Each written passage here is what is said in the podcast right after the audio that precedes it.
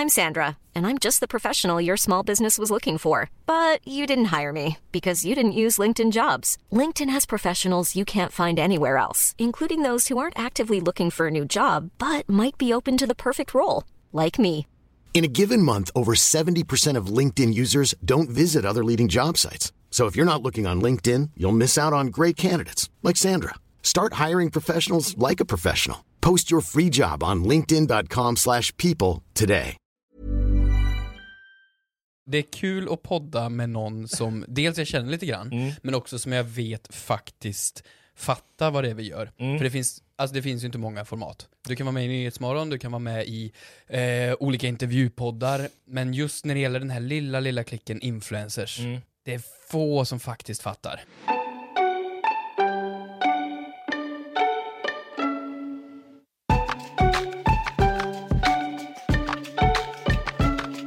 Välkomna ska ni vara till Så blir du fucking influencer med mig, Emil Norberg.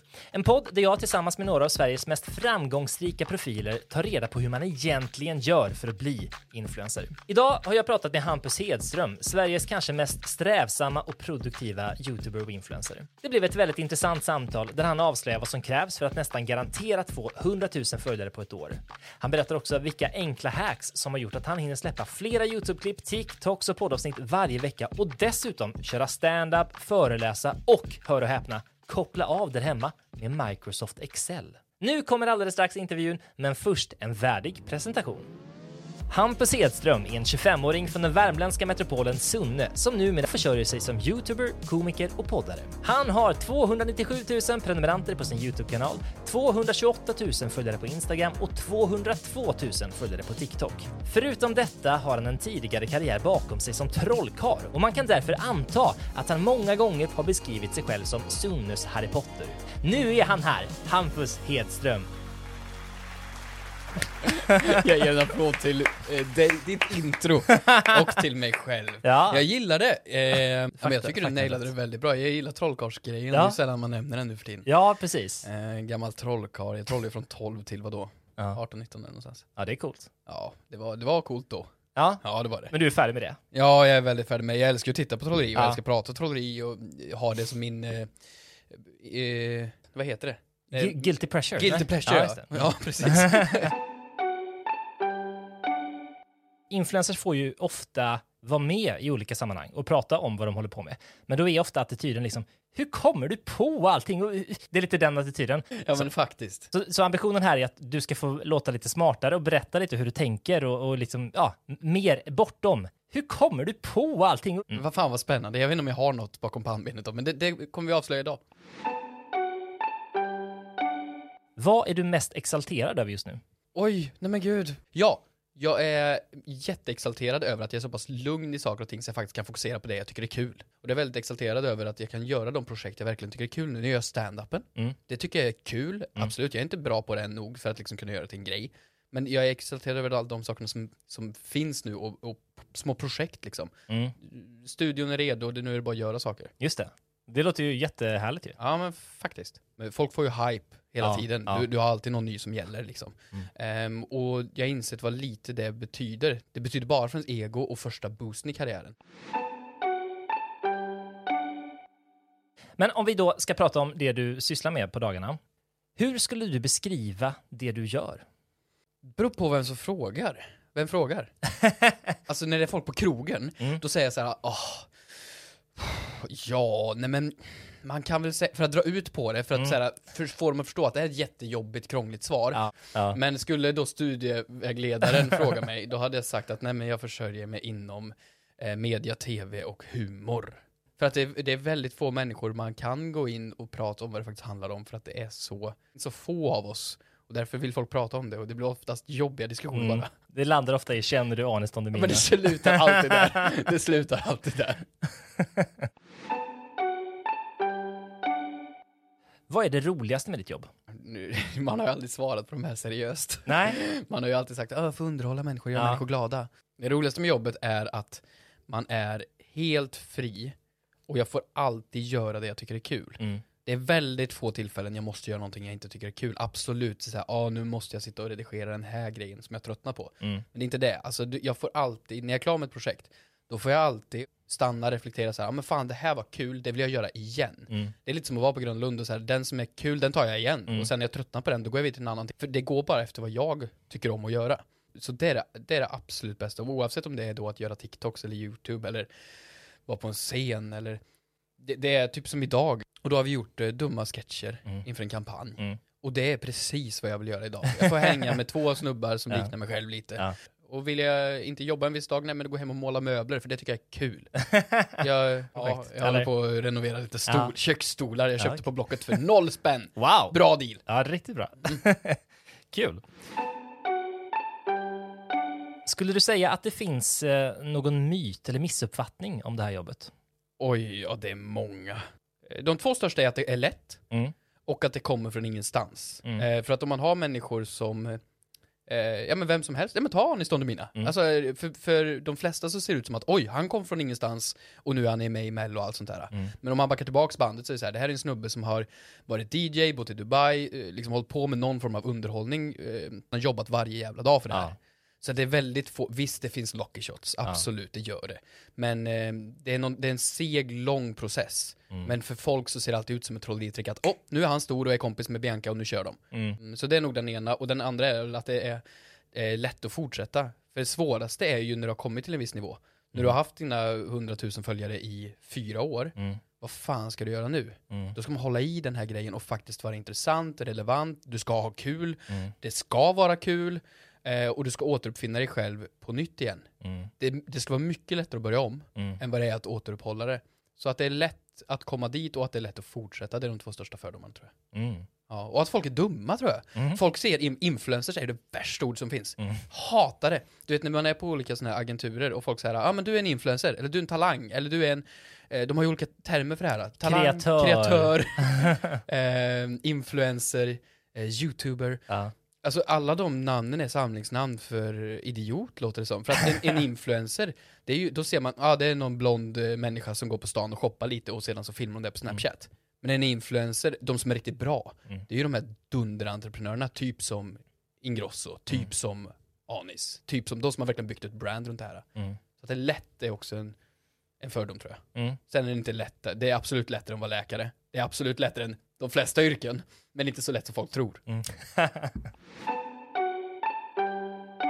Om man då, om vi släpper Anis Don och Mina och tittar på dig.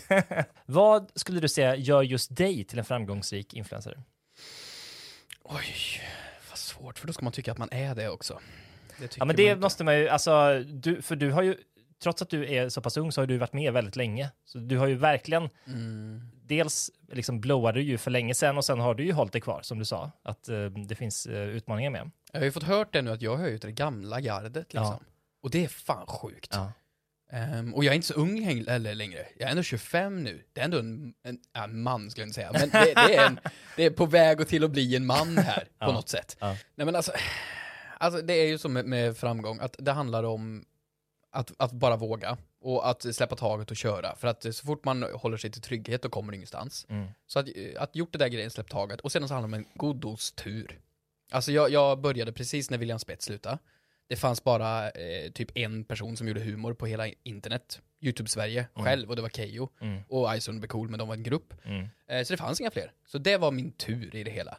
Men sedan så är det nog att jag har varit väldigt konsekvent. Ehm, I de första tre, fyra åren så höll jag en i veckan. Mm. Oavsett. Jag höll mitt format som verkligen var mitt format. Mm. Som jag snodde från William Spets. eh, och jag höll det. Ja. Och sedan att jag har verkligen inte vacklat kanske på mina det har varit både en, en bra sak och en dålig sak, men jag har inte vacklat på det här för att jag är ju väldigt oprivat. Mm. Alltså folk vet inte eh, hur jag lever, eh, om jag bor själv, om jag är singel, om jag har partner, de vet inte om min familj. Mm. De vet eh, inte någonting om mina åsikter egentligen, för när jag har en setup i ett skämt, det är såhär Åh, jag hatar utomlandssemestrar. Mm. Det är klart jag inte gör det, vem fan gillar inte utomlandssemestrar? Men det är en setup för ett skämt. Ja. Så att på grund av att jag bara hållit mig till humor och hållit den linjen och gjort det varje vecka eh, på ett sätt som har varit unikt eh, för Sverige i alla fall, då är det nog därför tror jag. Ja. Mm. Vad sjukt att berömma sig själv så här. Men jag, jag försöker bli bättre på det. Ja. Jag försöker verkligen det. Jag, för varje år ska, ska jag bli bättre på att berömma mig själv. Och det, nu har jag gjort det. Ja, det, absolut, och det kan du väl unna dig. Men jag tänker på, det har ju kommit och gått andra personer också under den här perioden som har gjort liknande saker som du Mm. eh, har gjort. Och som säkert har också eh, publicerat konsekvent och sådär. Ja. Kan, känner du ändå att det finns någonting som du har gjort annorlunda än andra unga killar som gör comedy? Jag har nog inte fallit in i hybrisen. Jag säger inte att alla gör det, men, men många, så fort de får lite följare, ändrar sitt content väldigt snabbt. Eh, och börjar hänga med folk som kanske de egentligen inte borde hänga med. Och börjar göra innehåll som inte alls klickar med vad de, de egentligen eller började. De, de förändrar sig. Mm. Och det har jag inte gjort riktigt. Och som sagt, på gott och ont, man måste Mm. förändra sig också. Mm. Men väldigt snabbt så gör de det. Det finns många humorsnubbar Ja. Eh, finns många människor som absolut inte gör humor heller, men väldigt snabbt hamnar i influencerklicken Mm. och bara dränks i den. Mm. Men de som faktiskt har stannat kvar, inte flyttat till Stockholm, behållit sin riktiga dialekt Mm. eh, och bott kvar på sin bondgård, de är de stora vinnarna tror jag. Mm. Absolut, lyckas du i Stockholm hos influencerklicken och du är en livsstilsinfluencer, absolut det är skitbra att vara det, Mm. då ska du vara i klicken. Mm. Men många drunknar i den och simmar bort i den och blir och gör bara vad alla andra gör. Och då har väl jag hållit mig kvar på mitt spår på något sätt. Mm. Eh, så, så, så det är väl en grej faktiskt. Och sedan så har jag nog inte försökt utmana ödet för mycket. Min humor är inte provocerande, men den är inte snäll. Mm. Den är, den är någonstans av eh, barnvänlig standup. Mm. Och det tror jag också har varit en, en bra väg. Och Mm. jag har väl hittat någon sweet spot som har funkat för mig i alla fall. Mm. Men det har varit lätt att växa upp med målgruppen. Jag Mm. började när jag var 18, de som Mm. tittade då skulle jag gissa var liksom 12. Mm. När jag blev 21, 22, då kunde de ändå börja gymnasiet. Och nu när jag är 25, nu kan de ändå sluta gymnasiet. Mm. Och, inte, och faktiskt relatera till det. Så jag har hyfsat växt med målgruppen ändå. Mm. För där, där fastnar ju många. Och det är ju inget konstigt, det är ju så barnprogram funkar. Mm. Alltså Bolibompa växer ju inte med sin målgrupp och Bolibompa-draken blir ju inte gott. Alltså, de, de Just stannar det. ju kvar. Tjuvröker och... För att de ska stanna kvar. ja, Eh, Men som influencer så är det nog vettigt att växa upp med sin målgrupp. just det. Sen har jag någon teori om att människor kan inte konsumera någon som är yngre än sig själv utan att skämmas Mm. eller dölja det. Och nu när jag börjar bli 25, då kan människor som är eh, 24 titta på mig. Mm. Men det kunde de inte när jag var 24, för då var de tvungna att vara 23. Just det. Mm. Jag vet inte om du håller med mig här, men Ja, nej, men det är väl att man, eller för min del tror jag det är en magkänsla som säger jag hade kunnat vara så framgångsrik som den här personen om jag Ja. också hade haft så många år i branschen. Och sen ser man, men oh, han eller hon är yngre. Ja. jag borde också vara det. när jag, när jag såg, jag, ju- kan- jag skiter ju fullständigt i musik, och så såg jag Billie Eilish, jag bara vad fan? Ja. Vad, vad fan håller du på med? Tyst unge! Du, så här bra ska inte du vara. Nej. Sluta! Jag, då blev jag lite arg. Så det är väl den sidan i oss i alla fall som Mm. får den gå igång. Och sedan, sedan så vill man väl kanske, man vill inte bli tillsagd av någon som är yngre än en, tänk så här. Ja, just det. Eh, kanske. Mm. Men det är bara en, ett, ett jävla sidospår. Ja, men det är intressant. Vilket tror du är det viktigaste personlighetsdraget om man ska lyckas som influencer? Tyvärr är mitt svar ödmjuk, men där har jag fel. Oj! Ja, men jag har ju fel. Alltså Ja. så här, det är skitcoolt att eh, flexa med kepsar. Det är skitcoolt att eh, starta ett varumärke som säljs för flera miljoner. Mm, Det är skitcoolt att eh, prata om sin lägenhet man köpte på vindsvåning för x antal miljarders. mm, Eh, så jag är fel. Det är inte ödmjukt. Det är vad som funkar. mm, Men jag själv tror att eh, varför det funkar för mig är för att man på något sätt ändå är relaterbar. Alltså hade jag sagt ja men det är klart jag bor på en vindsvåning i Stockholm och sedan så omsätter mitt bolag så här med sån här vinstmarginal. Så jag måste skaffa en kapitalförsäkring nu. Alltså Mm. ingen skulle kunna relatera till det. Det är sjukt ointressant. Mm. Det ska ju kännas som att man sitter och tar en öl och bara skrattar och njuter över någonting. mm, Eh, då kan inte jag sätta mig i en överposition. mm. Men det gör folk. Och det funkar. Så jag tror att man ska vara ödmjuk, men jag har fel. Nej, jag Eh. trodde att det inte skulle funka, men de är ju de som är störst. Ja. De är de som funkar bäst. Ja. Fattar ju det. Du kan kolla på någon som säger wow, nu ser jag på Logan Paul som har så här många miljoner, eller när Jocke har köpt den här bilen, fan Mm. vad sjukt. Man får se någonting som är ouppnåbart. Mm. Men jag tycker att det jag gör i alla fall, och en annan typ av influencing slash humor slash YouTube-grej, är att relatera till Mm. personen. Som, ja, bästa exemplet, oavsett vad någon säger så är Pewdiepie bäst. Mm. Han är absolut bäst, för han har hållit på i hundra år. Mm. Och han har växt med sin publik, han har gått igenom så många faser. Men som den som tittar på det så kör han fortfarande runt i en sketen Volvo. Mm. Och han köper max en dyr whisky per år. Mm. Men vi vet att han har 200 miljoner på banken. Men det, det säger han inte. Mm. Han, han ser ut som en slösk. Mm. Han ser ut som att han bor i Degerfors. Mm. Men, men det, och det är det som gör honom likable tror jag. Eh, men okej, ödmjukhet. Men sen då? Alltså, du måste ju vara en excentrisk personlighet som är intressant att titta på. Om du är tyst och tittar ner i marken och inte säger så mycket och du pratar så här Mm. och du pratar monotont. Nej, det kommer ingen kolla. Mm. Men du måste ju såklart inte vara Norbergs check. Alltså Mm. du måste ju inte heller vara check på det sättet. Mm. Du, det finns ju miljoner personligheter. Du ska ha en karaktär. Du ska, du ska kunna placeras in i ett fack. Mm. Jag hatar fack. Men eh, folk älskar att placera in en i det. Man måste kunna ta de här personerna och ändå fackplacera dem så man kan förklara dem till en människa i en mening. Mm. Tar det längre än en mening att förklara någon, då är det såhär, vad fan, då, då måste man sätta sig in i det för mycket. Jag tror det ska vara en ganska simpel karaktär som är tydlig att förklara. När började du med sociala medier? Ja, men jag skaffade väl Instagram 2012 när det blev en grej, men eh, jag gjorde ju sociala medier som en trollkarl gör de, och en trollkarl gör sociala medier som liksom ett pappersbruk gör sociala medier. de, de skaffar en Facebook-sida och så ta, köper de en roll-up och så skrev jag gå in på hampussedström.se slash Facebook slash punkt punkt. Alltså man gör sociala medier på ett gubbigt sätt. Ah, Du, du hade en pappersroll-up? Ja, ja, ja. Med mig själv, två meter stor. Och så släpade jag runt på den och min högtalare till olika företagsgig eller barnkalas och så drog jag upp den här pappersrullapen. Och det sjuka med den är att den var typ så stor, alltså två meter hög. Ja. Så då såg man på en show på mig, och bredvid så var det en bild på mig. Och du kan tänka dig också så lite trollkarlscheck. Ja, du vet det. man så här ler lite, lite Ja. smagg på något Lite sätt. så här. Henrik Fexeus... eh, Exakt så! Exakt så. Så det var väldigt udda. Men sen så började jag med sociala medier som ett yrke. Det var ju i 2015. Jag tog studenten och så hade jag tröttnat på trolleri. Ja. Jag ville bli komiker och så hittade jag YouTube. Då drog jag igång det. Ehm, och så bara härmade jag vad alla andra gjorde. Mm. Eh, och på den tiden var det ju Snap Stories också och det var ju att eh, Ja, varje gång man la ut ett YouTube-klipp så la man ut ett fysiskt Instagram-inlägg och skrev att nu är ett nytt YouTube-klipp ute. Mm. Och så då. Så jag började med sociala medier 2015. Men innan du liksom satsade på det helhjärtat, hade du publicerat liksom lite då och då? Men som, en, som trollkarl försökte jag Ja. väl, liksom. För att jag, så det var det trollkarlsbagen innan det? Ja, liksom. det var det liksom. Och det är ju samma konto liksom. Så Mm. att jag försökte väl då, men det var ju, alltså det var inte som en influencer, det var mer som en sån här ung entreprenör som ska starta lite business. Mm, Och innan det, nej men då var det som vem som helst. mm. Laddade upp någonting och hade, använde för mycket filter. typ. När märkte du att det började ta fart på sociala medier? Ja men det var eh, en kväll. Jag satt på O'Learys i Karlstad. Jag gick i trean på gymnasiet. Jag började i januari och i mars borde det väl bli va? Så gjorde jag en collab med Manfred Erlandsson. Eh, och den videon var en jättedålig video som hette Sanning eller konsekvens. Mm. Och eh, när vi la upp den så hade jag fortfarande notiser på YouTube. Mm. Så jag fick ett mail varje gång någon subscribade. och den natten gick jag väl från 500 prenumeranter till några tusen. Och inom en vecka så hade jag 10 000.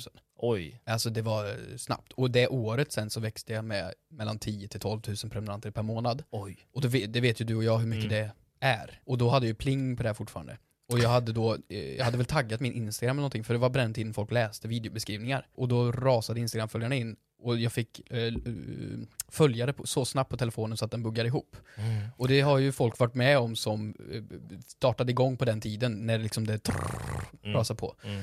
Ja, det var väl den gången. Och det var det, jag kommer ihåg, jag satt med mina polare och jag är väl ödmjuk, är väl fel ord kanske, men vill inte, vill inte skryta på något sätt. Jag tyckte det här var skitcoolt. Ja. Men jag och mina gamla klasskompisar satt på baren och då såg jag det här och jag fick ju hjärtklappning. Så jag var Mm. tvungen, jag gick in på toan då och ställde mig och bara titta på den här telefonen Ja. när, när det trrrr, rasade in då. Eh, stoppade det i fickan, stängde av notiser och satte mig igen och sa ingenting. Oh. det är en bra filmscen. Det är en bra filmscen. I filmen om ditt liv. Ja, verkligen. Fy fan, den får inte komma ut. Hur lång tid från att du började lägga upp eh, sketcher regelbundet till den här kvällen? Det gick snabbt. Det var på grund av att jag fattade att eh, jag behövde göra videos med andra. Så jag gjorde en kollaboration med en kille som heter Emil... Monikander? Ja, va? Monikander. Han ja. Vi gjorde en collab. Eh, Mm. Vi var typ lika stora så det hände inget. Men eh, jag gjorde den med Manfred, jag tror mars typ. Så januari började jag och mars gjorde collaben. Säg april så slog det igenom säkert då. Mm. Så tre månader, Shit. Ja. Ja, det är häftigt. snabbt. Kunde du liksom sen återupprepa det här receptet för att växa på liknande sätt? Nej. Det, det blev någon effekt av att jag hade idén så tydlig, jag ska göra den här sketchen en gång i veckan. När folk kom in till kanalen från den här första collaben och sen gjorde fler collabs då, det är ju inte bara den här videon. Och då kom folk in och fattade konceptet och följde. Och då gick det från januari till januari, Mm. så blev det 100 000 prenumeranter då. Oj. Så från 0 till 100 då. Mm. Ehm, och därefter så fortsatte det ganska eh, halvfrekvent upp till 200 och sedan från 200 nu till nästan 300 har det Ja. väl så här halvputtrat i massor med år. Ja. Du vet, det, det svåra är att göra det på nyttfödelsen. Mm. Att hitta så här, okej, nu är den här personen som folk vet om Mm. inom internetvärlden. Mm. Nu ska han lyckas med någon form av nytändning. Och då måste man typ raka håret, eh, sätta på sig en skinnjacka och vara med i en liten Clue News-video. Mm. Det måste hända någonting sånt för att få en nytändning tror jag. Mm. Och den har många lyckats med. Mm. Alltså, Lundell har gjort den flera gånger. Han har gjort nytändningar på, från YouTube till eh, annan YouTube-kanal Mm. helt plötsligt. Therese har ju bara liksom fortsatt sin rullians kontinuerligt. Men den, jag har aldrig lyckats låst upp den här uh, nytändningen igen. Nej. För det tror jag inte man kan lyckas med med flit. Det krävs nog att du, du ska ha någon form av, det måste ske någonting i livet på riktigt. Mm. Som att jag då, ah, nu startar jag en YouTube-kanal och eh, börjar göra det här konceptet. Eh, då måste du återuppfinna dig själv på nytt. Mm. Och det har jag inte gjort. Jag är ganska nöjd med mig själv. Mm. ja, härligt. Jag behöver inte raka håret. Nej. När du gjorde den här videon med Manfred, Mm. hur stor var han? Han var då Sveriges största manliga vloggare. Mm.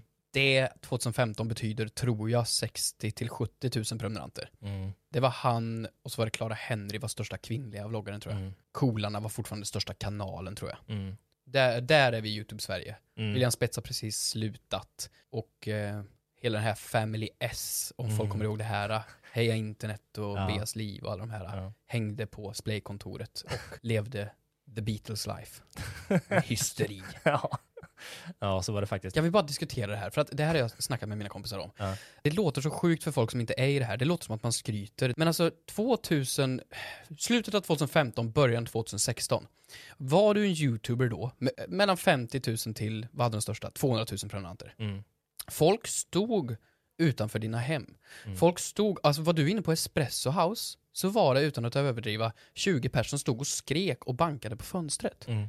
Du vet, jag, jag åkte till Stockholm och så gick man upp på, till ett splaykontor på Malmskillnadsgatan och det var så här, men här står det 50-100 personer utanför Mm. i kylan och skriker och väntar på att Pops ska komma ut.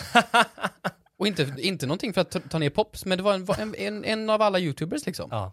Det var, så kom jag ut där och det blev liksom, så som Guldtuben och den hysterin som var, den har nog inte Sverige sett förutom The Foe och liksom, eller när Björn Gustafsson var med i Mello. Det höll bara ett år, Mm. men när det var så var det, nu när jag ser tillbaks på det, så jävla konstigt. Mm. För idag är influencers en vanlig grej. Mm. Idag vet alla om vad det är och det är inget nytt, men det var för att det var en kombination av det intima och hemliga till att det blev på riktigt kändisar. Fast det var bara de som visste om dem, Mm. och de visste allt om deras liv. Jag vet inte, jag tycker det här är så galet bara. Ja, det var, det var någon slags masspsykos ju. Hos en väldigt, väldigt liten klick och de människorna var mellan 12 till 15 år. Ja, och väldigt högljudda. Och väldigt blått hår. Ja, Det hade allihop. ja. man har nästan glömt det där. Ja men visst det- har ja. man det, man, man reflekterar inte över Och Nej. du är en av de få som var med Ja. och förstår det här. Jag tror att alla som var med under den här tiden vill egentligen inte prata om det här. Det var någonting alla skäms över. De var med i masspsykosen. What happens at play stays at play. Vad har du för målgrupp? Jag tycker det här är en så jädra jobbig grej. Alltså så här, frågar en byrå, så här, nu ska vi sälja en kampanj, vad är din målgrupp? Ja, men då tar ju statistiken. Mm. Det är ju den vi har. Och det, vi har en mycket bättre statistik än vad något tv-bolag eller radiobolag har. Mm. Så att jag, eh, på YouTube, eh, 30% är 18 till 24, eh, 25% är eh, 13 till 17 gruppen. Sedan är det ett svacka där mellan, eh, vad blir det då, 25 till bla bla bla.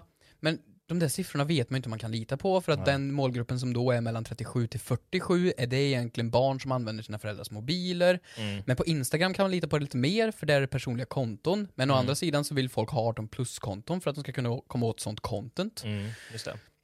Kan man lita på siffrorna? Alltså då är, det, då är snittpersonen mellan 17 till 25. Mm. Alltså så här, som mig själv fast lite yngre. Mm. Men jag vet ju att på TikTok, det är självklart att där är de ju 12. Mm. Alltså det, det är ju där, alltså visst nu har väl TikTok-målgruppen klättrat lite. Mm. Men säg att i alla fall du snackar upp mot 12 till 17 då, på TikTok. Mm. Så nu ska vi se. De yngsta på TikTok, eh, Mellersta på YouTube.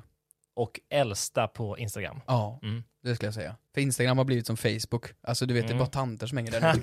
Och då skulle vi säga att det är en eh, högstadieelev på TikTok, Mm. en gymnasieelev på YouTube och en förvirrad, nystudentad människa på Instagram. Okej, ja. Ja. Vilka är dina konkurrenter? Alltså vilka andra kreatörer och komiker slåss om samma följare som du? ja, men i början så var jag lite bitter. Mhm. Där under 2016-2017, man säger nu kommer jag tappa det, tänk om det kommer någon annan och tar min plats. Mm. Men nu har jag insett att, precis som Mr Beast jobbar, vad han gör är att han tar in små minikreatörer och får dem skitstora, för det vinner han på, även Mm. om han är den största youtubern i princip. Mm. Ehm, så jag har inga konkurrenter, för att om det kommer in en människa som gör humor överlag, vad det gör är att deras följare kanske då hittar mitt innehåll, för att algoritmerna är så smarta idag. Så algoritmerna rekommenderar ju mitt innehåll, eh, plus då någon som är ganska lik mig. Mm, just det. Så tittar du på Logan Paul, då kanske du får Jake Paul också. Mm. Alltså liksom om det är lite samma typ av värld eller innehåll. Så att jag har inga konkurrenter alls. Bara eh, kollegor. Fint perspektiv. Ja men jag tror det, och jag tror jag vinner på det. Ja. Alltså jag tror det är verkligen, alltså ju mer människor som vill collaba eller göra saker med mig, det har jag bara att vinna på, oavsett om de är en prenumerant eller en miljon prenumeranter. För det, det gynnar algoritmerna, det gynnar den kreativa eh, skapelseprocessen, och eh, är man rolig, orolig över att tappa till någon annan för någon annan är bättre, Mm. ja men då, nej, gör skojgrejer ihop istället. Det, är, det finns ett community, Mm. folk är bara lite dåliga på att nyttja det. 2016, då fanns det ju väldigt tydliga communityn. Det var en fritidsgård, Ja, nu är det ju lite mer, liksom, nu får man skapa sina egna nätverk lite grann. verkligen. Alltså det kände man ju liksom, så fort man gör någonting i en grupp med några, då kände man, det är så sjukt att få ett community igen liksom. Mm. Men när man backar bak, det är så här, ja men vi är ju bara halvvuxna människor ändå som jobbar med det här tillsammans. Så att jag kan ju sträcka ut handen till någon bara. Så blir, det är ju ändå ett community. Och det märker vi liksom. Jag träffade ju han Dag för första gången i förra veckan. Mm. Och det första vi gör är en kram. Vad fan, men vad är din CPM? Alltså det är det första vi frågar. Ja. Det, det, det för att man är kollegor verkligen. Precis som vi sitter här nu. Man förstår varandra och vad man går igenom för skit. Så då går det att relatera över på något sätt. Ja. Så att jag, jag tror det är som att alla människor som jobbar med bilmek kan prata med människor som jobbar med bilmek. Mm. Sen kanske de konkurrerar om bilarna, men Just det. Ja, där Men följare finns oändligt av. Så är det. ja. Nästan på. Men du, om man ska prata lite mer businessmässigt, hur tjänar du pengar? Säg att 10% av mina intäkter kanske kommer från YouTube AdSense. Mm. Alltså när folk tittar på ett klipp så får jag 0,01 spänn, Mm. eller något. Mm. Och sedan är det massor med bolag där i vägen som tar cuts. Men det, där får jag en liten, liten peng till. Det räcker inte till att leva på, men jag får en macka för det. Mm. Sen är det till 70% med kampanjer. Mm. Ett företag vill att jag ska marknadsföra deras pizza och då gör jag sketcher om deras pizza. Eh, och där har jag fördelen att jag gör humor. Eh, och så länge företaget är beredd på att ja, men nu kan vi, vi kan ha humor, vi, vi ska marknadsföra pizza, då kan jag skämta om hälsohets. Mm. Så jag kan alltid skämta till deras fördel. Mm. Så det är väl eh, den stora delen. Då är det YouTube-samarbeten, TikTok-samarbeten och Instagram-samarbeten. Mm. Och sedan de sista, men vad har vi kvar? Har vi, har, har vi kvar 20%? Ja, något sånt va? Ja, då är det väl eh, tv, skådespel i olika program, Mm. eller stand-up. Även föreläsningar. Mm. Åker runt och föreläser om eh, nå dina mål och drömmar till yngre. Och eh, hur företag borde eh, eh, använda internet eh, för att marknadsföra sig själva Mm. till de äldre. Mm. Så det är de sista 20 procenten som är live och tv. Vilken och koll. podden också är ju 10 procent.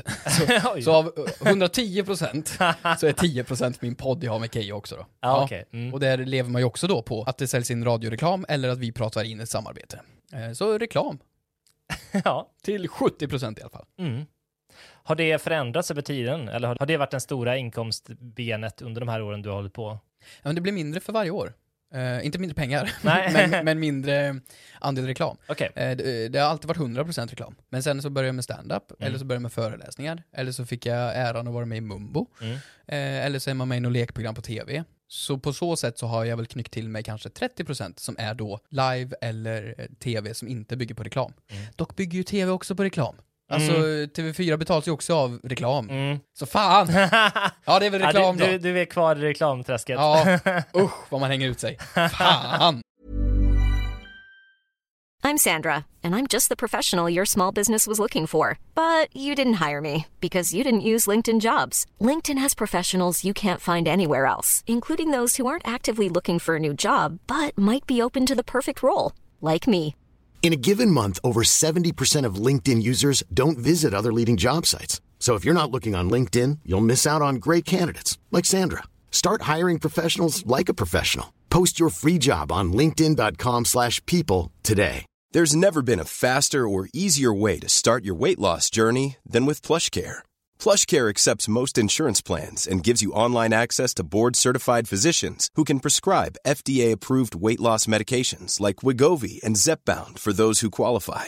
Take charge of your health and speak with a board-certified physician about a weight loss plan that's right for you. Get started today at plushcare.com slash weight loss. That's plushcare.com slash weight loss. plushcare.com slash weight loss.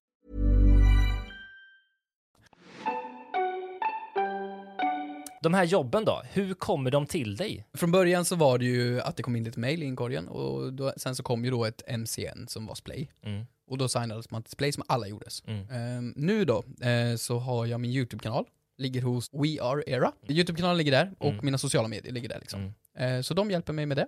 Och sedan så har jag eh, ATL i ryggen, alltså All Things Live. Det är gamla Roa och Blixten och company. Mm. Och de sköter eh, allt. Så då har jag som ett innerskal, har jag dem. Eh, och de tar alla in och ut förfrågningar oavsett om det är live, tv, podd, kampanjer. Men gäller det kampanjer så är då We Are Era med. Mm. Ehm, så jag gör inte det själv. Eh, inte på grund av att jag, jag älskar företagsbiten. Jag älskar ekonomi, Mm. Excel är det bästa program på hela datorn. Men jag eh, vet att jag är så mycket bättre på att eh, sitta och skriva, filma och klippa Mm. och producera. Så att då får någon annan som är bättre på att sälja eller att eh, fakturera eller vad man nu gör, göra det istället. Så att jag tar hjälp när jag inte är bäst på någonting. Så jag har um, jättegrymma folk runt om mig när det gäller sådana saker. Mm. För då, då blir det så mycket mer effektivare. Och jag kan slappna av. Jag jobbar ju måndag till fredag. Det är inte alla som gör det inom den här världen. Mm. Men jag försöker verkligen börja åtta och jag slutar fem. Mm. Och efter det typ stänger jag av telefonen. Det, och det kan jag bara göra tack vare att jag har så mycket bra eh, nätverk och MCN och managers runt. Sen hjälper pappa till med ekonomin också. Det ska, det ska vi inte glömma bort. Nej, För bokföring. just det. Nej, Ett särskilt tack till pappa Hedström. Särskilt tack till pappa Hedström.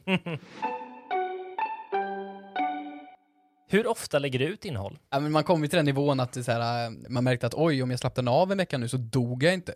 Man, man, eh, i, I början så är man så här, måste, måste, måste lägga ut, och jag får inte tappa det här. Men nu är jag, jag är ga- ganska chill nu. Så nu lägger jag ut, ja men på YouTube. Det, det är en gång i veckan om folk frågar. Mm. Men nu känner jag att jag kan vara ärlig här. Ja. Så två, två och en halv, Mm. tre kanske då, Mm. i månaden på YouTube. Mm. I Pratar vi. snitt Ja. pratar vi då. Mm. Och eh, Instagram, eh, pff, ingenting. Alltså jag är jättedålig där. Jo, jag publicerar, men inlägg, det är så här, ja, vad ska jag göra? Lägga ut en selfie på mig själv? Nej.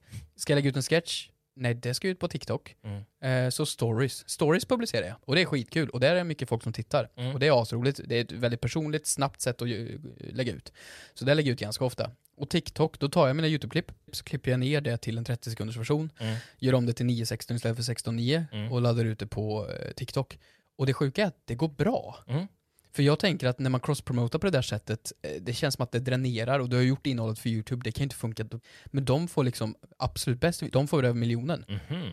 Men, eh, så de får mer tittningar än vad den får på YouTube. Mm. Men på så sätt så kan jag få ut en i veckan, eller vad sa vi nu då? Två och en halv per månad Ja. på TikTok också. Just det. Men slänger ut även lite vanliga skitsketcher på TikTok. Okej. Så, eh, men eh, det är väl typ det. Och så podden publicerar jag en i veckan. Mm. Och sedan har jag en, eh, en till YouTube-kanal, Rullande Talkshow, Mm. med Manfred. Och där publicerar vi en i veckan. Så det är ju, ja men säg fem publiceringar i, i veckan. Ja, det, då. det låter ju inte som att du är så lat. Nej, då är jag kanske inte, då är jag inte så lat. Nej. Men det låter, som YouTuber, då låter det lat att bara publicera två till tre gånger i månaden. Mm. Skriver du då sketcherna till YouTube med tanken på att det här ska gå att göra en kortare version av till TikTok? För det jag har gjort i alla år och som aldrig har funkat speciellt bra, det är ju att klippa en kort version av sketchen som slutar med svart ruta och så står det se hela sketchen på YouTube. Funkar aldrig. Aldrig! Aldrig.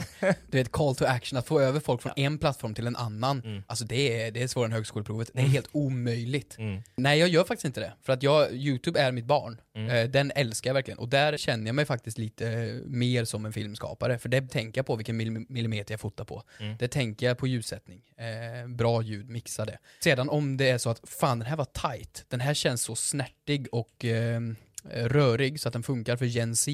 Mm. Så då vet jag att om jag tar bort lite skämt, slutar på ett skrik, då Mm. funkar den också på TikTok. Ehm, Men jag gör aldrig i ordning YouTube-sketcherna så att de ska funka för TikTok också.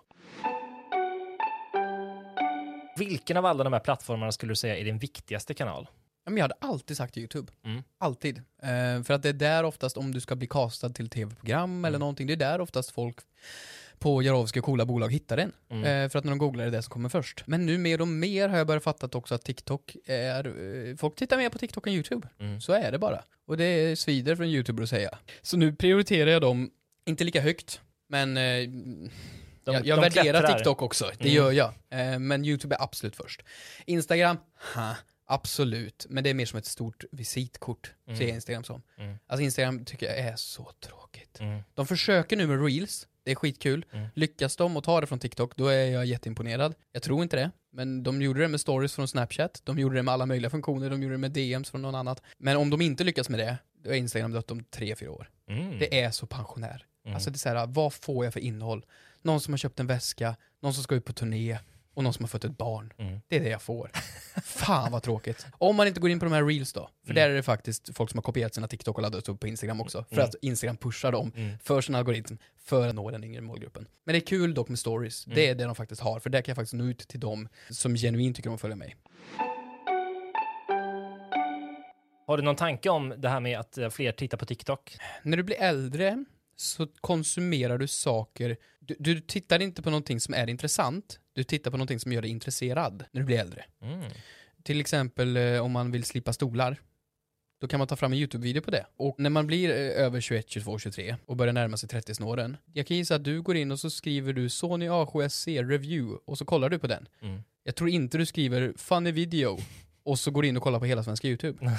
Men det gör nog yngre målgruppen. Mm. Ehm, och nu när TikTok kom som är lite snabbare, lite häftigare, lite nyare, då har alla kids dragit sig dit. Den hysterin som vi pratade om förut med 2016-hysterin, den är på TikTok idag. Men det är därför tror jag att TikTok verkligen har funkat. Men YouTube har fått en så mycket äldre målgrupp eh, tack vare att TikTok kom tror jag. Mm. In, in, eh, för att YouTube har tappat, tappat lite av den yngre målgruppen då, absolut. Men YouTube är ett, YouTube är lite som gammel-tv idag. Men eh, om man kollar på vad som funkar på YouTube, vem är största YouTuber i Sverige? Therese Lindgren? Ja, Jag skulle säga Mauri. Åh, Jag skulle ändå säga det, för att absolut prenumerantmässigt och sådär vinner ju Therese säkert. Mm. Och antal visningar under alla år vinner säkert Therese. Mm. Och i mest pengar på banken vinner Therese. Mm. Men i liksom, eh, att kunna lägga ut ett klipp och inom 24 timmar få nästan en miljon visningar. Mm. Det kan bara Mauri. Ja. Eh, och vad är det han gör för innehåll egentligen? Ja men det är UR. Mm. Det är Uppdrag granskning. Mm. Fast på ett litet kul, chic, ny, modernt sätt. Mm. Och det tror jag tilltalar den äldre målgruppen. Mm. Så jag tror man måste vara med på båda. Eh, häng med med kidsen på Gen Z och tappa inte dem. Jag vill ju inte bli som de på gammel-tv som sa nu kommer YouTube och tar över allting. Mm. Så kommer jag att säga om TikTok snart, nu kommer TikTok och tar över allting. Mm. Så att jag måste vara med på båda ställena samtidigt tror jag. En vanlig dag då, i din vecka. Vad skulle du säga att du lägger större delen av arbetsdagen på? Excel. Är det så? Sitter du Du, mycket? ja, jag, du vet det här, jag har skämtat om det här men det är så jävla sant. När jag vill slappna av, då öppnar jag Excel. Det är min enda avslappning. För så här, att skriva ett manus, jag vet hur man gör, jag är ganska teknisk i min humor. Jag tänker så här, här är setup, här är punchline, och det är ett jobb. Mm. Verkligen, jag tycker det är skitkul att sitta så här med dig och bolla liksom. Men när jag kommer hem efter en arbetsdag och sätter mig i soffan, då öppnar jag upp Excel och sitter och räknar på saker. Jag gör olika analyser, jag gör, tar in visningar, trender, försöker analysera ut saker. Jag sitter med min egna lilla privatekonomi gör en buffert kanske. Alltså så här, Ja. det är för mig, alltså, för det är så jävla tydligt så här, här är A, här är B och det blir C. Mm. Det, det är så jävla tydligt. Det gör jag ganska mycket av då. Men egentligen då, om man faktiskt pratar om vad jag gör mest, Ja. då är det ju, det är mest bollande och skrivande. Ja. Är det, för att det tar så lång tid i och med att jag har ju förbannat valt kategorin humor Mm. och jag har ju inte valt humorn som är så spontan. Nej. Min är ju skriven ord för ord, det är manus, så jag skriver jättemycket. Skriver stand-up, skriver YouTube, skriver TikToks. Mm. Två dagar i veckan i alla fall. Mm. Jag har en kameraman Okej, som jobbar mm. på kontoret och Mm. han filmar ju det. Så vi filmar ihop liksom, och YouTube-sketcherna får ta max en dag att göra. Och sedan så får de klippas och då grovklipper han och jag går in och gör finliret liksom. För det är Mm. fortfarande min YouTube-kanal, jag vill ha min, min sista touch på det. Mm. Men så jag lägger en dag i veckan på att filma YouTube, en dag i veckan på att finklippa YouTube Mm. och TikToks. Och sedan lägger jag väl en till två kvällar i veckan på stand-up. Mm. En dag i veckan på att skriva stand-up. En halv dag i veckan på att podda. Och sedan en halv dag i veckan åt att scanna kvitton och skriva rekvisita till YouTube-video 37. Mm, just det, den roliga biten. Ja, och sen gå på möten. Men de bästa dagarna är de här dagarna. Idag har jag typ inte så mycket att göra, Mm. så då kan jag sitta här på ditt kontor och umgås med kreatörer och vara lite, det är de enda gångerna som det här faktiskt känns rock'n'roll. Det är såhär, ni gör ett flipperspel här, kan just spela lite flipper och sedan filmar vi lite och så, det, det känns lite roligt. Det är de bästa dagarna. Liksom, vilka arbetsredskap använder du? Min dator, det är det enda jag behöver. Mm. eh, egentligen. Sen att jag har en jättelyxig kamera, skitbra bonus. Att jag har ett jättefint kontor, nej det behöver jag fan. Mm. Det är fan ett kriterie, för att jag har försökt jobba hemifrån, Mm. omöjligt. Mm. Jag, för, jag är så imponerad över folk som klarar det här, men jag kan inte det. Så jag lever ju efter, jag har alarmet vid sju, jag är vid kontoret vid åtta, halv nio, Mm. och jag äter lunch prick när klockan, klockan slår tolv, och sen går jag hem vid fem. Så jag behöver ett kontor, eller någon plats, en plats som inte är i, i samma byggnad som min säng. Det behöver jag plus en dator. Det är mina enda arbetsredskap jag behöver. Det behöver jag plus en dator. Men sen då när klockan slår fem, Mm. då checkar du ut? Eller? Checkar ut ja. Så om du har liksom publicerat en video där vid, vid halv fem-tiden, du Mm. sitter inte och scrollar och kollar reaktioner? Ingenting. Ingenting. Jag, jag stänger ner helt då. Nu, har, jag- nu kör jag ju stand-upen på kvällarna. Ja. Och om du hade ringt och frågat, ska vi bolla en sketch? Mm. Det räknas inte som jobb för mig. Då är det som att jag gör någonting som jag är intresserad av på fritiden. Mm. Så absolut, det är klart att det rinner över ibland. Om man går och giggar, då slutar ju arbetsdagen vid, då, då slutar klockan 11 på kvällen. Mm. Så egentligen är det ju, vadå, en 16 timmars dag. Mm. Men då hade jag ju gått in i väggen om jag hade tänkt så. Mm. Så att jag checkar ut mentalt vid fem. Mm. Sedan om jag råkar jobba efter det, det är en annan sak. Mm. Sen så kollar jag inte telefonen. Sociala medier intresserar mig inte. Absolut, TikTok är jättetrollbindande om man scrollar i all evighet. Men jag försöker checka ut. Har du något produktivitetshack för influencers? Skaffa en kalender för fan. det, det är helt sjukt hur få influencers som har en kalender. Det är fan galet. Det är ganska många pengar som florerar runt i marknadsföringsbudgetar till, till influencers. Men de har inte en kalender. Så det är mitt första produktivitetshack. Skaffa en kalender. Ja. Och sedan, en- kanske inte att man ska komma sent hela tiden, folk kommer sent väldigt mycket. Mm. Det är, folk får skaffa sig en klocka kanske också. Som du märker så gillar jag tider Ja. och eh, datum och dagar och Ja. veckoplanering. Det kanske är också är det som är en, en av framgångsrecepten, att du respekterar liksom, nu ska det saker göras och det ska göras eh, tills det är klart och sen är det klart. Det kanske du har rätt i, jag har aldrig tänkt på det så. Men jag, jag respekterar det här verkligen som ett jobb. Ja. Alltså nu, nu har jag, jag är ödmjukt inställd till att jag har fått mitt drömjobb nu. Då tänker inte jag slarva bort det på att liksom hänga på fester och event och sen gå upp vid elva. Jag Ja, tar det på det. största allvar. jag. Ja. Och jag, jag har verkligen respekt för det. En annan produktivitetshack till influencers skulle jag säga är att eh, eh, månadsplanera. Eh, Skriv upp dina publiceringsdagar. Eh, skriv du upp hur länge tar det för dig att skriva de här. Många märker ju så här att de, de sitter och skriver på någonting i mobilen och sen går de och filmar det och sen klipper de det. Ja. Vilket blir jätteoproduktivt. Alltså så här, okej men ta tre av dina kompisar som du är duktig på att få idéer med. Mm. Ställer vi en whiteboard, kom på 30 idéer, ge poäng, då kommer ni fram till 10 stycken bra. Mm. Gör du TikToks, ja då kan du troligtvis filma 10 stycken på en dag. Mm. Gör du YouTube-videos, ja då tar det 10 dagar att filma dem där då. Och då filmar du dem först och sen så sätter du och klipper det. Eller sen så anställer du en klippare. Eller så sitter ni båda och klipper tillsammans. Mm. Så att eh, veckoplanera upp publiceringarna, eh, klippdagar, filmdagar och boka in ledig tid för fasen. Mm. för annars bränner ni ut er. Det, det är ju väldigt, på ett sätt, ganska enkla tips. Det är men, jättelitet tips. Här. men, men, men det är ju allt. Ja men du har ju varit på hållbart. produktionsbolag, Mm. du vet ju exakt hur det går till. Alltså liksom, folk är ju väldigt effektiva i TD, för Mm. allting ko- kostar ju pengar. Bara för att vi gör det på internet nu så är det ingen skillnad. Jättebra tips. Hur mäter du om någonting du har gjort går bra eller dåligt? Magkänsla. Statistik är skitintressant och sådär, och det kan eh, mediebolag bli jätteglada över och de kan visa upp det på någon fin powerpoint någonstans för någon kund. Men för mig själv, då är det en magkänsla för att en, ja, men, eh, säg att en väldigt välproducerad sketch och den får lite mindre visningar, men då är det kvalitetsvisningen ändå. Som jag vet nu att någon på Baluba eller Jarowski kommer se det här, vilket är det jag vill nå för det här. Mm. Eh, och det kan man inte se eller mäta statistik på.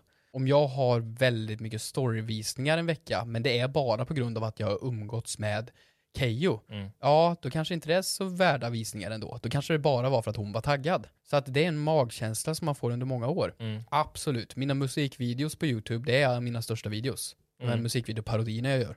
Och de får över miljonen och de vet jag syns och de är stora.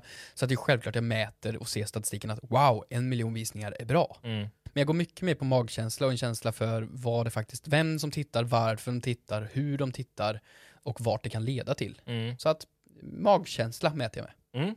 Precis, det låter ju... Eller kanske erfarenhet kanske man Ex- kallar det. Men, exakt. Men, år av erfarenhet och liksom konsekvensanalys på något sätt. Kvalificerade gissningar. Ja. Så mäter jag mina visningar. Vad har du för visningar? Hm, helt okej, jag gissar jag. typ. Kan du berätta om något särskilt projekt som har varit extra framgångsrikt? Det största och mest lyckade projektet är ju såklart YouTube, för det är ett konstant helhetsprojekt. Ja. Och det är ju det som har bidragit till 100% av det jag får jobba med idag. Ja. Eh, oavsett om det är relaterat till YouTube eller inte. Mm. Men det är därifrån det kommer. Alltså så här, mina musikvideoparodier. Mm. Jag skulle, jag, jag har aldrig gjort musik. Mm. Jag vill inte göra musik så. Men av en slump så, så gjorde jag Ted Gärdestad. Mm. Åh vilken härlig dag. Mm. Och jag tänkte, ja men det är ju kul för att han låter ju creepy och sådär och det kan man göra en kul musikvideo till. Jag råkade göra det. Eh, och jag råkade känna en musikproducent då som ville göra det gratis liksom. Så det var ju Mm. per- perfekt liksom. Vi Mm. gjorde det som ett kul projekt. Och sen så gick eh, Ted Gärdestads bror bort. Eh, samtidigt som Ted-filmen släpps. Mm. Mm. Samtidigt som Hampus släpper den här videon. Mm. Vilket resulterade i, jag vet inte vad den har för visningar idag, men några miljoner. Mm. Och det är ju lite tur. Men då insåg jag att, jaha, musikvideos funkar. Sen släppte jag Old Town Road, den här You gonna take my horse. Och så gjorde jag med raggar istället. Mm. Och det blev ju världens dunkapplåd. Så när jag var i Lidköping hela förra sommaren, då kunde man höra så här på distans, ut på torget, man kände doften av mosbrickor, och svett och wonderbounce. Och så hörde man da, da, da, på min låt. Ja. Så att musikvideorna är ett sånt här äh, sjukt projekt som bara gått alldeles för bra. Mm. För att det är så enkelt med musikvideoparodier tycker jag. Har du något misslyckat projekt du kan berätta om? Hur lång tid har vi? Har du något band eller? Nu jävlar kör vi! Nej men vad fan, alltså det har gått ganska bra de flesta grejer jag gjort för jag är väl ganska kalkylerande av mig. Jag tar ju inte superhöga risker. Nej. Men jag gjorde en, alltså den gick inte dåligt, jag tror att kund var nöjd och allting. Men via Free släpptes Mm. för första gången. De skulle lansera via Free, så de gick till eh, YouTubers och sa här är fem stycken YouTubers, vi vill att ni gör någonting till via Free. Mm. Och en filmade fem stycken filmer när hon tatuerade sig, Mm. och en eh, åkte till USA och filmade det. De gjorde vanliga YouTube-videos, Mm. fast det skulle sändas på via Free för att få in ungdomsmålgruppen till den här nylanserade plattformen. Jag får hybris. jag tänker, fan vad sjukt! Jag har fått en budget Ja. på typ ingenting också. jag ska göra fem avsnitt av dramakomedi, eh, det ska vara skådespelare, VFXer, eh, det ska vara en kvart långa avsnitt. Alltså du vet, Ja. alltså jag vill göra en kombination av The Office och Solsidan, Oj. fast själv. Ja. Med erfarenheten av två år på YouTube och i princip noll i pengar. Ja. Så jag tar in mina polare, vi skriver de här manusen och så eh, filmar vi. åker till Värmland och behöver en lokal på typ så här, tusen kvadratmeter. Oj. Ehm, ja, ja, här är nycklar, vi syns om en vecka. Ja. Så gick han. Fick vi den lokalen. Vi behövde barn, det är inte det lättaste att få tag på. Nej. Så gick vi till dagis, ja, ja, här är ni barnen, vi syns om en vecka. Vi fick allt. allt allting fick vi fan gratis. Sunne bistod med lunch, vi gjorde det hemma i Värmland då. Mm, mm. Men en bröt nästan benet. Oj. En annan eh, vaknade upp mitt i natten, för vi sov på set i källarlokalen i det här mögliga rummet då, och vaknade upp av panikskrik och grät på natten för att han hade sån stress. Ja, men- Vi filmade dygnet runt, ingen hade någon erfarenhet, vi, vi visste inte vad vitbalans var, så allt var ju blått. Du vet, ingen Ja. ljud, det hade vi inte tänkt på att man ska ha. Ah. Och du vet, vi hyr in någon skådespelare som halva budgeten gick till och det, det, jag skulle köra honom och du vet, mat och, det, det, och jag springer runt där och tar ljud, regisserar, fixar rekvisit samtidigt liksom. Och det var bara frustration och kaos. Och det är en serie som heter Entreprenörerna som fortfarande ligger kvar på via Free tror jag. Ja, där har ni ett tips då. Ja, det är horribelt. Sen kom Alexander Edström, den underbara hjälten från ovan och gjorde lite VFX på det här. Ja, Som räddade upp lite och gav lite produktionskvalitet. okej. ja. När jag laddade in projektet också så fick jag svaret, fan det här är skitbra, vi är jätteimponerade. Men är det meningen att de ska vara gröna i ansiktet? Och jag är ju färgblind. Åh. Och har färgkorrigerat det här själv. Ja, nej. Jättedum idé. Men då kom Alexander Edström in och räddade Ja, mig. ja. Så att, hade jag siktat lite lägre så är det här ett, en skitbra idé. Ja, Men, men eh, manuset var så mycket bättre än utförandet. okej. För Mm. utförandet är horribelt. Mm. Vad skulle du säga är den största utmaningen i den här branschen just nu? Det är fortfarande en väldigt, väldigt ung bransch. Den behöver bara växa till sig. Den är i en tonårsfas. Mm. Det var en barnfas och nu, den behöver komma upp i åldrarna lite. Den är fortfarande lite tonårig Mm. och den är lite virrig. Men det har fan gått bra dock. Alltså Mm. så här, många youtubers har blivit producenter. Mm. Alltså Lundells program går bra. Therese får en intervju med statsministern men inte SVT. Mm. Ja, eh, absolut, det finns några rötägg här och där och det kommer det göra inom alla branscher. Men jag tycker att de som ändå är i fronten har tagit hand om den väl och ger den den respekt den förtjänar. Avslutningsvis då. Vad skulle du ge för råd till någon som vill börja i den här branschen nu? Jag började hela den här grejen med att säga att det är svårt. Mm. Det är fan inte svårt. Alltså du vet, dina föräldrar sa till dig, ja men att bli en musiker, det är så många som försöker, att det, det är bara en promille som faktiskt lyckas. Mm. Men när det gäller svenska YouTube och influencers, alltså du vet, bara du startar, jag kan garantera att om jag får en helt random människa som har lite karisma och en pytteliten idé, om jag får i en månads tid ladda upp ett klipp per dag med dig, eller ett klipp i veckan, någonting i alla fall som har en liten ny twist, oavsett plattform, så kan jag garantera att inom ett år så har du i alla fall 100 000 följare. Det är jag helt säker på. Folk försöker inte. Mm. Och jag menar inte att folk är lata, men folk säger så här: nu ska jag bli youtuber, och så köper de sig kamera, och så börjar de filma, och så lägger de ut tre klipp, och sen så missar de en vecka. Men så lägger de ut ett klipp, och så missar de en vecka. Och sen blev de sjuka, och sedan så börjar de plugga, och sedan så lägger de ut fem klipp till, och så fattar de inte varför det inte funkar. Mm. Men så, hitta ett koncept, tro på konceptet, och gör någonting du själv tycker är kul, för du kommer inte klara det i en sekund om du inte själv tycker det är kul. Mm. Lägger du ut det i ett års tid, samt kanske är lite smart, bara gör de enklaste sakerna som ladda upp det, till folk, gör collaber och var där folk är, Mm. kommer garantera dig att du lyckas. Det är bara att kolla på TikTokare. Mm. Alltså du vet, inte för att de är dåliga, men det är helt random människor som gör exakt samma humor som jag har gjort, som all humor är. Det är en Mm. setup och en punchline. Och de lägger ut det och de får hundratals tusen visningar på klippen. För det finns så många eh, som tittar jämfört med hur många som producerar. Det, marknaden är så omättad. Hur många seriösa TikTokare har vi i Sverige? Och de menar som lever på det heltid. Fem? Tio? Kanske 20 då. Mm. Youtubers, hur många har vi där? Inom alla kategorier? 100. Mm. Kanske. Mm. Det är inte många. Alltså 150 pers för både hela YouTube och hela, hela TikTok. Mm. När ändå jag kan gissa att halva Sverige konsumerar någon av plattformarna varje dag. Det är inte mycket. Så det finns plats, bara gör det. Mm. Och fortsätt med det. Och det kommer inte funka om du liksom slarvar. Men gör du bara exakt det, Mm. då kommer du garanterat lyckas. Wow, Mm. hoppfullt. Ja men det är det faktiskt. För det är inte så svårt. Nej, men det är väl egentligen som med liksom bantningstips och sånt där. Receptet är lätt. Träna och ät nyttigt. Men det är svårt att göra det. Exakt, ja. Det är ju Mm. precis det. Mm. Fan vad bra att du förklarar allting jag tänker. Ja, jättebra. Jag hade tänkt att fråga om du har något sista tips som vi inte redan har kommit in på. Det absolut sista i sådana fall, det skulle vara spring inte. Nej. Sk- Skynda långsamt. Astrid Lindgren, när började hon skriva böcker? Vad var hon? 40? 50? Hon Mm. var gammal. Mm. Ta det lugnt. Skynda långsamt istället. Var lite effektiv och klok. Där har du ett till vykort, uh, vykortscitat. och där kanske musiken börjar tona upp också. Där har vi musiken! Yes! Tack så jättemycket för att jag fick vara Ja, här. tusen tack. Otroligt bra svar. Jätteintressant. Vart kan lyssnarna hitta dig på internet? Överallt. Mm. Sök på Hampus, så syns vi. Ja, toppen. Hej då! Ha det gött. Hej då! Wow, stort tack Hampus. Otroligt inspirerande och väldigt matiga tips. Följ honom överallt tycker jag. Och följ gärna mig också så får ni se hur jag tar vara på Hampus alla fina tips här i mina sociala medier. Där heter jag Emil Norbergs på alla plattformar. Ni får också gärna skriva till mig vem ni vill höra härnäst i podden. I nästa avsnitt träffar jag Margot Ditz som berättar om hur hon gör för att producera fyra gånger så mycket innehåll som hon borde hinna under en vanlig vecka. Och om hur det kändes att anklagas av skvallerpressen för att exploatera sin son på nätet. Fan vad rolig podd du har. Imagine the softest sheets you've ever felt. Now imagine them getting even softer over time. That's what you'll feel with Bowl and Branch's organic cotton sheets. In a recent customer survey, 96% replied that Bowl and Branch sheets get softer with every wash. Start getting your best night's sleep in these sheets that get softer and softer for years to come. Try their sheets with a 30-night guarantee. Plus, get 15% off your first order at bowlandbranch.com. Code BUTTERY. Exclusions apply. See site for details.